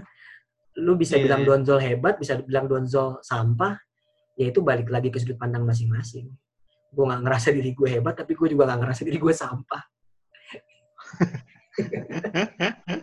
Itu sih itu dan dan uh, gue tuh sering banyak pertanyaan kayak misalnya coach uh, apa yang udah uh, coach capai? Apa kebaikan yang coach sudah berikan? Gue bilang mana ada orang mau mau ngomong soal kebaikannya dia. Kalaupun ada ya berarti emang dia bukan orang yang baik karena hal-hal baik lu nggak perlu ucapkan gitu biar aja orang hmm. lain yang nilai makanya gitu berarti lu lu stay di Sima Maung aja lah ya karena emang uh, keluargaannya segala macam ini tahun ke berapa kan tahun ke tujuh ya tahun ke tujuh ya ya. Iya, tahun ke delapan ke delapan. Ke delapan ya. Tahun ke delapan. Ya akhirnya dari si Mamong itu kebuka banyak jalan juga kan. Itu termasuk dipercaya untuk memegang Liga 1. Hmm. Masuk memegang beberapa proyek, mem hmm, memegang banyak hal lah, lumayan. Iya, iya, iya. Selain kegiatan di Simamong, lo ada kegiatan lain? Maksudnya yang menghasilkan? yang menghasilkan ya. Kalau dulu kan presenter, sekarang udah enggak. Kadang-kadang ngelatih, cuman itu pun jarang, jarang yang jarang dibayar. duitin ibaratnya. Iya, gue sosial. Ngelatih Karena, aja lah. Iya, iya, iya, iya, paham gue, paham gue. Ya, makanya Dan, saya juga bukan ngerasa saya punya label juga ya, masih ya sama-sama belajar lah dulu. nah, terus lo ini ya, apa, aktif main bola juga ya, gue lihat ya. Real Madrid ya? Ya, Real Madrid, Real Madrid. Real Madrid tuh artinya apa sih, Man? Tahu tuh si Ardi. Uh, Medan itu kan artinya kalau di bahasa Sunda tuh keren gitu. Oh, ya ada agak agak-agak parodi Real Madrid juga ya Madrid. Nah, iya. Madrid ke Madrid gitu. Doang. Real ya, Madrid, ya, ya. Madrid, Real Madrid. Oh, Udah okay. begitu doang sih. gitu. Terus terus itu main di Bandung League apa? Awalnya Bandung Premier League, cuman akhirnya pindah ke Community Soccer League. CSL. Hmm. Sekarang main di CSL. Ya liga-liga komunitas. Kalau di Inggris dulu ada kayak Saturday football league gitulah. Iya, iya, iya. Orang-orang yang bekerja Senin sampai Jumat, Sabtu Minggu mereka main bola liga nggak jelas kayak gitu. Liga amatir. Ya, lumayan aja. Tapi tapi dikemas uh, layaknya sebuah liga pada umumnya ya. Ada ada sosial medianya, ada yeah. ininya segala macam klasmennya juga update segala macam ya itulah. Uh. Oke kok uh, banyak sih di Jakarta ada Liga Ayo. Gue bahkan awal-awal hmm. ngobrol-ngobrolin Liga Ayo tuh ada gue nya. Walaupun gue bukan bukan orang yang konteksnya ke sana sih. Karena kan gue kan nggak bisa hmm. di satu tempat lama-lama ya. Dan gue emang tipenya kan tipe orang yang nggak bisa kerja sama lama-lama gitu. Artinya yeah, yeah. Uh, berhasil cabut, gagal cabut. Karena buat gue uh, apa ya? Kayak kayak perjalanannya lebih panjang aja sih. Kalaupun misalnya gue ada satu tempat lama, kayaknya karena gue punya klub itu deh. kayaknya gue gue yang membiayai semua dan dan gue emang gue bilangnya di atas gue cuma Tuhan. Gue gue cuma pengen pulang tuh. Gue cuma pengen pulang di atas gue cuma Tuhan. Soalnya kalau kerja sama orang bukannya gue nggak bisa kerja sama, cuman gue kapasitas orang tersebut eh, nggak uh, tahu kenapa gue belum belum nemuin yang seperti yang lo temuin gitu ya lingkungan kerja yang menyenangkan atau apa. Kalau hmm. sekedar temen banyak lah temen yang menyenangkan banyak. Tapi kan ada temen yang emang cuma as a temen aja jangan jangan ada hubungan kerja gitu kan. Iya iya gue gue gue juga gue sering bilang sih kalau ada temen gue yang ngajakin uh, coach kerja bareng gitu gue bukan nggak mau kerja bareng lo tapi cukup jadi temen aja lah. Soalnya gue kalau kerja bareng bisa rese bisa idealis dan gue tahu lo tuh orangnya nggak bisa on time. Gue gue ngomong apa adanya dari awal. Gue ngomong gue ngomong apa adanya. Jadi gue ada temen gue nih yang suka ngaret gitu kan. Terus uh, waktu itu mau kerja sama apalah segala macam. Terus gue bilang lu gue pengen kerja sama kayak gini kayak gini tapi karena lu uh, gue kayak nggak bisa. Bukan gue benci sama lu ya tapi karena uh, lu menghargai waktu lu juga kurang. Dan gue tuh pasti pasti ke distrik kayak gitu. Nanti malah nggak enak malah ribut gue gituin. Yeah, gue gue tuh gua, nah itu yang yang mungkin akhirnya gue jadi jadi susah kerja sama sama orang. Karena nggak banyak orang standarnya? yang bukan standar tinggi ya. Bukan standar tinggi. Standarnya standar gue gitu. Gue nggak bilang standar gue gue, gue juga bingung yang tinggi itu yang mana sih tapi tapi yang pasti ya itulah nyebelinnya gue gitu maksud gue gue tuh orangnya tuh eh, kadang-kadang hal-hal yang prinsipil tuh no excuse gitu kan iya iya iya Jarang pan, jarang banget. Gue nemuin nemuin orang yang kayak gue tuh jarang banget.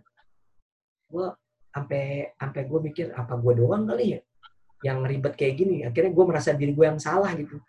Ngerti gak sih lo? Saat lo jadi orang yeah. benar di lingkungan orang nggak benar, terus lo ngerasa aneh sendiri. Kayaknya gue yang salah deh. Harusnya emang nggak benar gitu. karena resikonya lapar sih, mungkin itu sih. Ya kalau jadi kayak lu harus siap lapar sebetulnya. Ya bisa bisa jadi. Artinya gue harus uh, kalau bicara duit gue harus uh, ngendorin beberapa hal. Tapi tapi ya gue juga kalau misalnya kayak gue meeting meeting sama brand mereka terlambat ya gue juga nggak bakal marah karena posisinya equal. posisinya equal. Pernah sih waktu itu ada ada yang minta bikin event kan gitu kan. Terus gue gue ke apa meeting sama dia. Meeting jadinya jam 10 malam terus sampai jam setengah sebelas belum mulai-mulai meetingnya gue terus bilang gini sorry ya gue nggak bisa lama-lama nih ini gue cuma punya waktu 30 menit sampai jam 11 doang karena gue jam 12 gue harus istirahat besok pagi gue harus pergi keluar kota karena gue nggak pergi keluar kota jadi kayaknya uh, ngomong sekarang deh kalau nggak nggak dimulai juga mendingan gue balik aja. Karena gue besok mau mau, mau ada kegiatan lain. Gue gituin. Oh gitu ya coach ya? Ayo kita mulai kita mulai. Dari tadi kagak mulai mulai ya gue gue tuh agak senang gitu. Sedangkan gue datang dari jam sembilan seperempat janjiannya jam sepuluh. Dan gue orang pertama yang datang. Jadi gue ya ya apa ya? Ya gitulah intinya lah. Gue mungkin bagi sebagian orang norak kali ya tapi ya bodo amat lo mau bilang norak apa kagak yang penting gue gue emang punya prinsip seperti itu makanya gue nggak bisa tuh kalau kalau kerja bareng sama temen terus gue tahu temen yang kapasitasnya uh, apa nggak bisa kerja sama gue pasti akan akan ini gue juga nggak expect nggak expect too much sih sama kayak gue waktu nelfon lo pertama kali yang gue minta bantuan lo untuk bantuin gue di ini ekspektasi gue yeah. lo orang Bandung lo tahu Jatinangor uh, terus gue butuh butuh pelatih yang gue nggak peduli kualitas lu saat itu. Gue cuma gue cuma lu mau nggak? Gitu. Hmm. karena sebetulnya mungkin gue bisa aja milih siapa pun yang yang notabene mantan pemain segala macam gitu. Tapi tapi gue pikir gue gue juga gue juga saat itu cuma mikir kayak Ripan bisa deh kerja sama sama gue gitu kan. Udah gitu aja.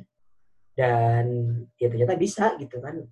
Basically yeah. ya, lo lo lo tahu ritme gue lo tahu porsi lo di mana lo nggak lo nggak lo nggak apa ya gue ngasih panggung lo dan lo nggak minta panggung lebih dan juga lo bisa manfaatin panggung yang gue kasih kan ada orang yang yeah. dikasih panggung terus kayak malah malah over gitu kan atau ada yang yeah. dikasih iya. panggung malah nggak dimanfaatin kayak gitu karena kan sebetulnya yeah. pelatih pelatih saat itu ya saat itu gue anggap lo pelatih pemula itu kan yang dibutuhin kan kayak wah oh, kalau kerja sama sama Bonsu keren kali ya gue kerja sama sama Panca keren kali ya. Iya. gue kerja sama sama Donzo wah gila. Siapa siapa yang yang apa yang yang ujuk-ujuk ditawarin kan nggak nggak setiap hari ditawarin. Tapi buat gue nggak tahu sih gue gue kayak punya feeling feeling aja sih kalau misalnya uh, ini kayak gue bisa nih kerja sama sama dia nih dan dia kayaknya bisa kerja sama sama gue. Jadi gue gue kayak random random choose aja gitu milih random aja. Kayak gitu sih. Mungkin kalau ditanya orang nanya lo kok lo milih Rifan sih? Kan banyak pelatih pelatih Bandung lain. Mungkin nggak mungkin ya nggak ada yang nanya sih gitu. kalau nanya kenapa? Mm. Karena sih gue, gue gue punya feeling kuat sih. Gue punya feeling kuat siapa siapa aja orang-orang yang bisa kerja sama sama gue. Itu aja sih. Walaupun gue mungkin ketemu satu dua kali atau ngobrol satu dua kali gue tahu kapasitasnya oh ini orang bisa jalan. Pas sekali ketemu pak iya. Cuma cuma waktu itu gue juga nggak paham paham banget uh, kenapa gue milih lu tapi so far sih ya terbukti bisa bisa jalan gitu kan. Bahkan sampai Linus kan pertama kan AFP ya kan? Yeah, terus yeah. Linus gitu kan. Satu sisi ya gue gue juga ngasih panggung buat lu karena uh, apa ucapan terima kasih gue karena lo buat buat sifat sikap apa ya uh, eh, gue sifatnya gini nih. Ini gue ada dua nih project pahit project manis gitu. Nah hmm. gue pasti akan lihat orang di project pahit dulu kalau project pahit udah mau project manis pasti gue kasih. Nggak perlu gue tawarin udah pasti gue kasih udah. Udah pasti gue kan nih asik nih peluang untuk juara nih the kings. Halus gitu kan. Hmm. dan gue butuh dan tempatnya juga pas. Dan gue nggak perlu kos apa-apa ke lu. Jadi simbiosis mutualisme lo juga nggak nyari hmm. duit hmm. gue juga nyari orang yang bisa bantu dalam faktor non teknis. Jadi sebetulnya simbiosis mutualisme sih. Gue bukannya maksud gue gini gue memanfaatkan lo di satu sisi gue juga menjadi manfaat buat lo at least buat pengalaman atau apa pun segala macam jadi itu tau nggak pas pas gue juara Linus sama lu bang uh-huh. gue kan main bola tuh ke Football Plus oke okay. itu kan ada si Ino tau gak lo Ino Matulesi yang jaga Ino botak Ya, in freestyle. Uh-uh. Pan, pan kata dia. Gua tuh dari dulu tuh nunggu-nunggu momen ini, momen ketemu lu sekarang ketika udah jadi pelatih. Dia meluk gua, Bang. Ngomong Just. apa? Hah? Ngomong Jadi apa? dia meluk gua sambil bilang, "Gila lu, baru sebentar aja udah jadi juara Linus lu." Gua bangga pan sama lu. Jadi kan gua ketemu Ino tuh waktu itu, Bang, waktu gua ikut kursus yang lu yeah. di football pas itu. Yeah. Uh, itu tuh uh. gue digratisin sama Ino. Gue mo mohon-mohon gitu, Bang Ino kata gue, gue gak punya duit nih. Tapi gue pengen ikut kursus, boleh nggak? Dia kasih syarat gitu, tapi asal lu serius ya di futsalnya ya, kata dia gitu. Asal, asal lu sungguh-sungguh ya. Iya bang, gue sungguh-sungguh. Bagi dia itu dengan juara Linus udah membuktikan omongan gue saat kursus. Oh. Jadi, kan waktu itu harganya lumayan kan 400 ribu bang. Iya yeah, iya yeah, iya. Yeah. Kursus itu. Itu gua murah. Ino gara itu kok gue ngeta ngetawain bisuk tuh. Suk, lu ngambil Matias Ibu, ada Andi Irawan, ada Donzol, 400 ribu doang. Iya disubsidi kok, oh disubsidi. Emang berapa? Gue tuh Jakarta, gue apa coaching klinik GoPay aja 20-30 orang masih banyak yang daftar, Suk. Kata besok serius loh. Iya. Wah di sini mah nggak dapet lah katanya gitu. Di sini mah ngeluarin duit 100-200 ribu aja ngap katanya gitu. Iya sih, gue tahu sih. Itu tuh itu gue ngajak Ino bang gue pengen ikut kursus dong tapi lagi nggak pegang duit kata dia ya udah ikut aja tapi ada syaratnya nih syaratnya lu serius lu ya katanya gue gua kasih glue gratis tapi lu serius lu katanya iya serius gue bang karena anak-anak buah dianya nggak ada yang mau bang disuruh disuruh ikut kayak begituan hmm. anak-anak buah uh, dia punya klub futsal gitu MNC kata gue ya gue serius serius Nah, akhirnya pas juara itu dia ngeliat kali ya, nggak tahu di IG, nggak tahu di mana, pas gue main bola, gue tuh nunggu-nunggu hari ini, Pan. Gue nunggu hari ketemu lu kayak sekarang. Sih gue peluk dulu, kata dia. Gila lu berhasil ngebuktiin. Kata gue, ya bukan gue, apa kita masih donjol yang ngajak gue, kata gue. Hmm. Gue mau apaan, diem doang begitu. Wah, nggak, pokoknya apa pun itu, kata dia. Yang dapat kesempatannya adalah lu. Lu mau kagak ada gunanya di tim, apa gimana. Tapi sejarah mencatat lu, Pan. Dan lu udah berhasil ngebuktiin omongan, kata dia begitu. Ya, ya udah kata gue ya, makasih Kak Ino. Iya, Indo, Indo dari zaman The Groove gue kenal. Dan hmm. gue tuh pasti kan kalau di The Groove kan di lantai dua atau tiga gitu ya, ada ininya kan, ada uh, body massage yang uh, apa sih, yang yang kesehatan tuh yang ya kayak refleksi tapi tapi yang bagusnya lah gitu. Nah gue tuh yeah. pasti kalau ke sana, misalnya gue coaching klinik atau gue ada pertandingan apa, gue pasti bilang sama Ino, no, tolong dong pesenin di bawah dong, no. gue pegal banget badan uh, naik bawa mobil dari Jakarta ke Bandung gitu. Nah, atau waktu main futsal main di sana, itu gue pasti tuh. Itu udah pasti langganan. Katanya sih uh, resepsionisnya tuh yang pacarnya, mantannya Elastiko si Rizky. Ah. Uh, ini mantannya Rizky nih, gini-gini. Wah, gue bilang. Aduh. Bang, ini gue mau nanya. Gue mau nanya ke pertanyaan nih. Uh, Kenapa? Uh, di 2014 kan uh, ada ini ya, ada satu bukan teori ya, ada satu kayak kayak pendapat. Kalau misalnya sepak bola Indonesia kita di sini, nih sepak bola Indonesia di sini nih, Asia Tenggara kan di sini nih, jauh banget. Iya. Yeah. Artinya kita untuk juara AFF itu susah banget lah. Hmm. Nah, ketika futsal kan jaraknya cuma segini nih.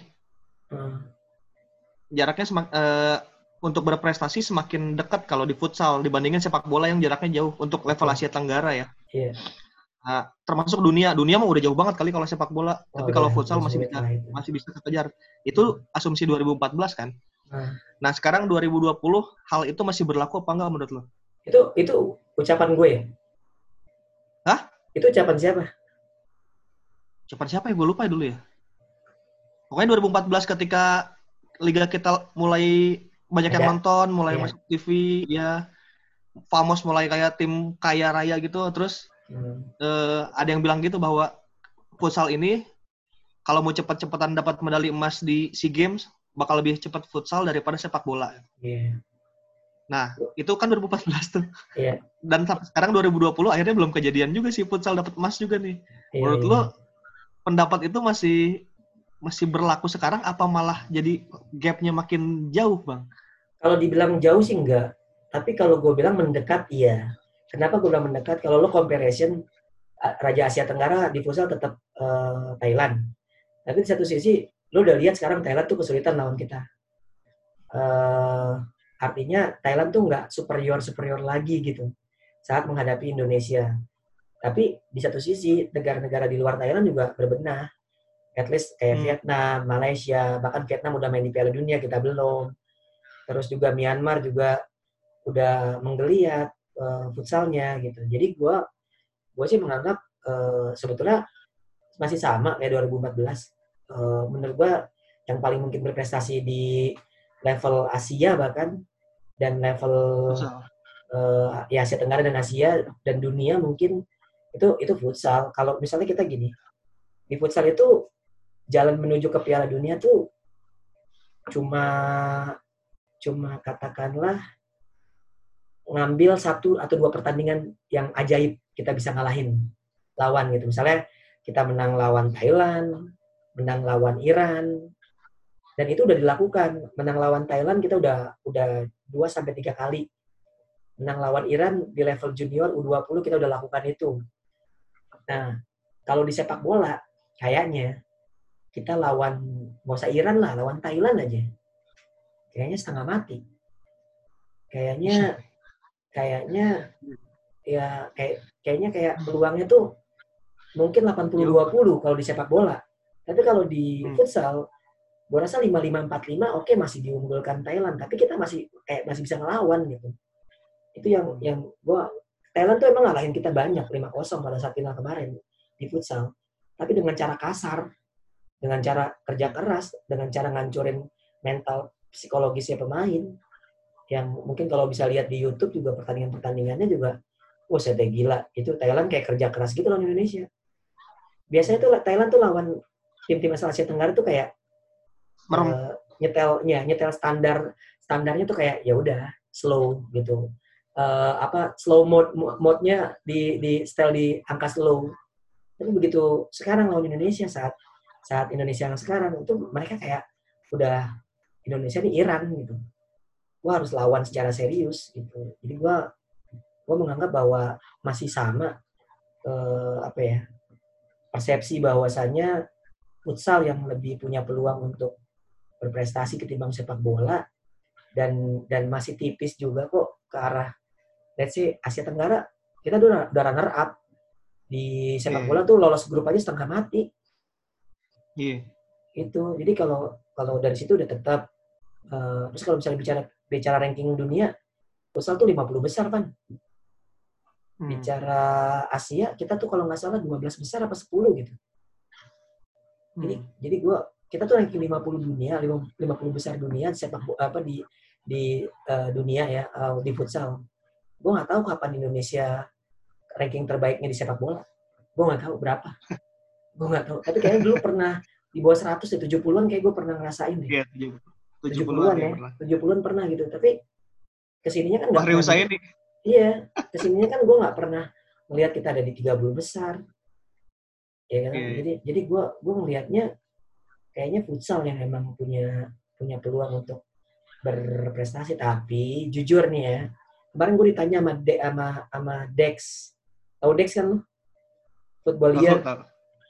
Dia, dia anak Bandung kan? Dia dulu dari mana sih dia? Kita ITB. Oh, Oke. Okay. Jadi Dex ini uh, lagi apa lagi live Instagram tiba-tiba dia nongol terus gue ajak live Instagram bareng uh, dia nanya sama gue uh, apa kenapa uh, ini apa sih kenapa nggak ada negara-negara maksudnya nggak banyak negara-negara besar di sepak bola main ke futsal gitu dan kalau seandainya negara-negara besar sepak bola itu main ke futsal apakah Indonesia masih bisa dengan posisi ranking seperti sekarang? Itu pertanyaannya.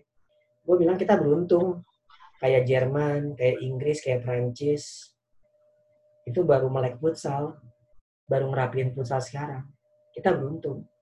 Ibaratnya kalau bicara Jerman, futsalnya timnasnya udah ada. Tapi pemainnya ya pemain-pemain amatir yang Senin sampai Jumat kerja. Satu minggu baru iya. latihan. Terus bicara Prancis baru tahun ini nih kayaknya bakalan gila banget karena ngambil uh, tiga pemain Inter Movistar sama satu pelatih Inter Movistar Spanyol termasuk si Ricardinho sakit sih itu kalau gue bilang sih. Jadi kayak ya kayak Paris Saint Germain beli pemain-pemain bintang lah kayak beli Neymar gitu gitu segala macam. Jadi gue menganggap hmm. bahwa Indonesia masih beruntung. Masih di saat negara-negara kuat sepak bola belum membenahi futsalnya. Banyak tahu yang yang menurut gue kalau misalnya kita mau berprestasi sekarang sebetulnya. Balas piala dunia. Jago ya. Iya keburu keburu mereka serius kalau karena kan gini karena kan kebanyakan kalau di Eropa itu pemain-pemain futsalnya itu adalah pemain sepak bola gagal. Kayak dulu yeah. di liga apa di timnas Indonesia awal-awal kan 2002 itu kan pemain-pemain sepak bola jadiin pemain futsal. Iya. nah kalau kalau di luar negeri ya gitu. Pemain-pemain yang gagal di sepak bola ada kesempatan main di futsal ya udah. Lumayan lah bela timnas ya kan. Kurang, kurang lebih kayak gitu lah nah rencana ke depan lo gimana Pan? rencana ke depan beres pandemi eh, si Mamong bakal ngadain banyak-banyak kolaborasi sama siapa pun buat kebantu-bantu lah buat kebantu-bantu mereka juga yang kesulitan ya misalnya lu punya brand kita kolaborasiin gitu asal masih ada hubungannya sama hmm. Bandung dan Jawa Barat. Oh, ya karena itu yang lu jual Jawa Baratnya sih ya. Yang lu jual yeah. persipnya sih ya. Iya, baru baru segitu sih belum tahu ya. Belum tahu apakah nantinya mau gimana. Oh, podcast, podcast sih mau. Bang itu gue nih kayaknya tuh. Walaupun lo banyak pakai bahasa Sunda-Sunda juga. kayaknya mau kerja sama sama box to box karena mereka juga udah buka di Bandung kan kayaknya itu. Iyalah kartel, masuk kartel juga tuh gue gue kira mau gue kira mau mau bertahan gue tadi mikir oh. gini sih gue nggak gue nggak nggak tahu ya gue anti kemapanan atau apa ya. Uh, eh, gue juga beberapa kali diundang sama siapa umpan tarik gitu kan segala macam okay. uh, eh, tapi ya gue gue gue merasa maksud gue ada beberapa yang yang apa yang yang mungkin ada hal yang ah lu mah nggak lucu-lucu banget kok gitu. Tapi kayak kayak ngerasa lucu gitu. Gue nggak nggak nggak nggak into sih. Gue nggak into. Hmm. dan gue ngerasa gini anjing podcast sama sama mereka juga biasa aja. Gue nggak ngerasa yang wah wah banget waktu gue diundang. Hmm. kan dibilang di awal kan ya coach uh, sama umpan tarik sama si gara-gara bola. Coach tapi ini nggak ada duit ya? Gue bilang oh, nggak apa-apa santai aja. Gue seneng ngomong gue gitu kan. Santai. Dan gue emang nyaman nyaman. Berapa dua sampai tiga episode kalau nggak salah ada gue. Nah gitu. Tapi ngebuka jalan untuk yang lain. Jadi kemarin kan gue bincang Shopee kan ya. Podcast Shopee. yeah. Temen yeah. gue uh, temen gue di Shopee terus dia bilang coach lo jadi bintang tamu yuk coach gitu. Ngobrol sama bos gue bos gue yang nanti jadi hostnya. Ngomongin tentang sepak bola aja gitu sama futsal gitu. Oh boleh boleh boleh gue seneng gitu. Terus besoknya bilang coach uh, besok standby habis sholat Jumat ya jam satu ya. Kita take jam 2 gitu. Oh aman aman aman. Nanti gue soal Jumat dekat kantor lo aja gue gue gituin kan biar gue apa bisa santai-santai dulu bisa ngobrol-ngobrol sama lo. Kalau bisa kita makan siang dulu gue di sana gue gituin aja oh boleh coach boleh boleh gitu. Terus tapi maaf nih coach uh, fee-nya kecil gitu. Cuma empat setengah juta. Hah? gue langsung hah?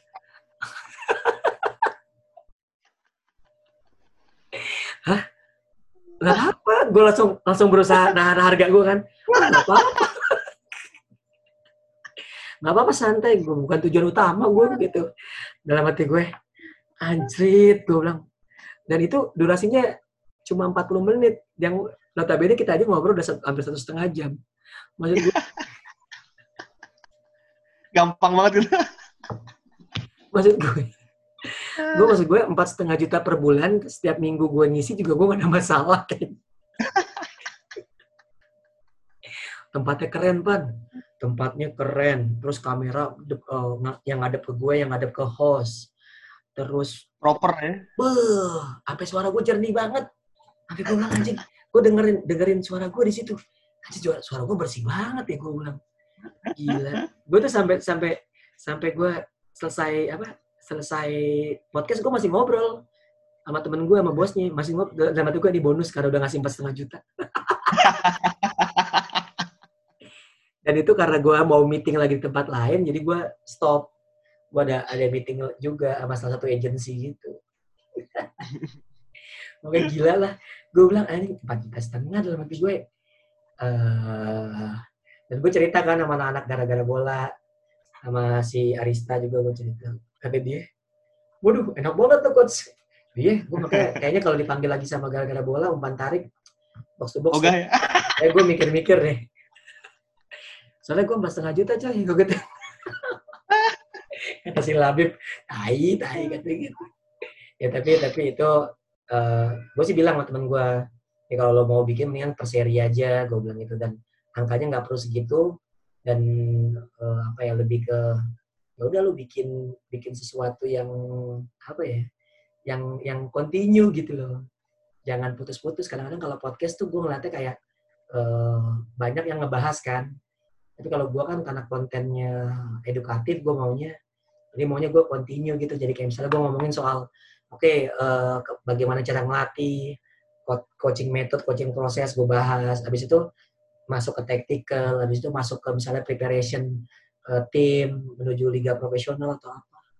Atau ngebahas biaya biaya pertandingan biaya sebuah tim untuk ikut liga pro. Itu tuh yang gue mau tuh gitu.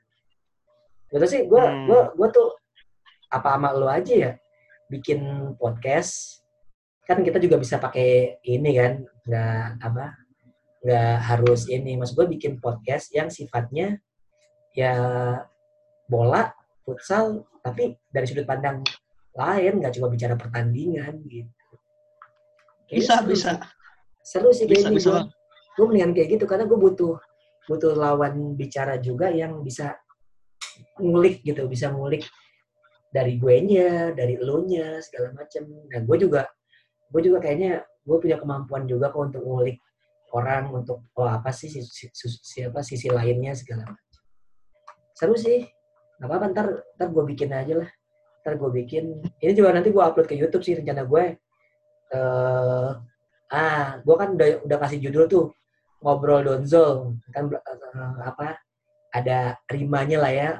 Uh, ngobrol donzol gitu kan atau donzol ngobrol. Nah itu nanti bersama lu atau apa ntar diatur aja. Jadi jadi gue pengennya tuh uh, gue pengen jadiin ini konten serius sih. Nanti let's say ya udah waktunya kapan? Kita juga bisa pakai zoom. Nanti bisa ditaruh di Spotify untuk suara. Lalu bisa hmm. juga atau di Anchor. Lalu bisa juga taruh di uh, apa namanya? YouTube. Uh, YouTube. YouTube gue juga bikin baru kan eh nggak usah lah pakai bikin yang punya gue aja lah yang Donzol aja udah ada hampir seribu subscriber. Lumayan kan? Siapa tahu bisa langsung monetize. Walaupun itu bukan tujuan utama sih. pakai IG juga dapat udah. Ya tapi ya obrolannya juga harus harus yang maksud gue gini orang kan nggak cuma denger. Mungkin mungkin pertama orang denger karena gue. Tapi kan lama-lama mereka juga pengen tahu apakah obrolannya bermanfaat apa kagak. Kayak gitu yeah. kan. Iya iya iya, iya. konteksnya oke lah satu setengah jam siap. Cukup cukup luar biasa. Thank you Van. Gue juga sebenarnya pengen ngobrol-ngobrol gini aja sih. Lebih ke pengen kayak sharing session aja segala macam nggak nggak bicara tactical walaupun belakangnya backgroundnya lapangan futsal. Ini gue pakai pakai green screen aja. Ini gue di rumah aja gue udah mempersiapkan diri untuk webinar-webinar segala macam siap. Oke okay. thank you Van ya. Okay. salam buat ya, keluarga sama. semua ya nanti gue bahas apa gue kabarin lagi uh, kapan kita bikin ini lagi podcast lagi. Thank aman, you yuk Assalamualaikum. Assalamualaikum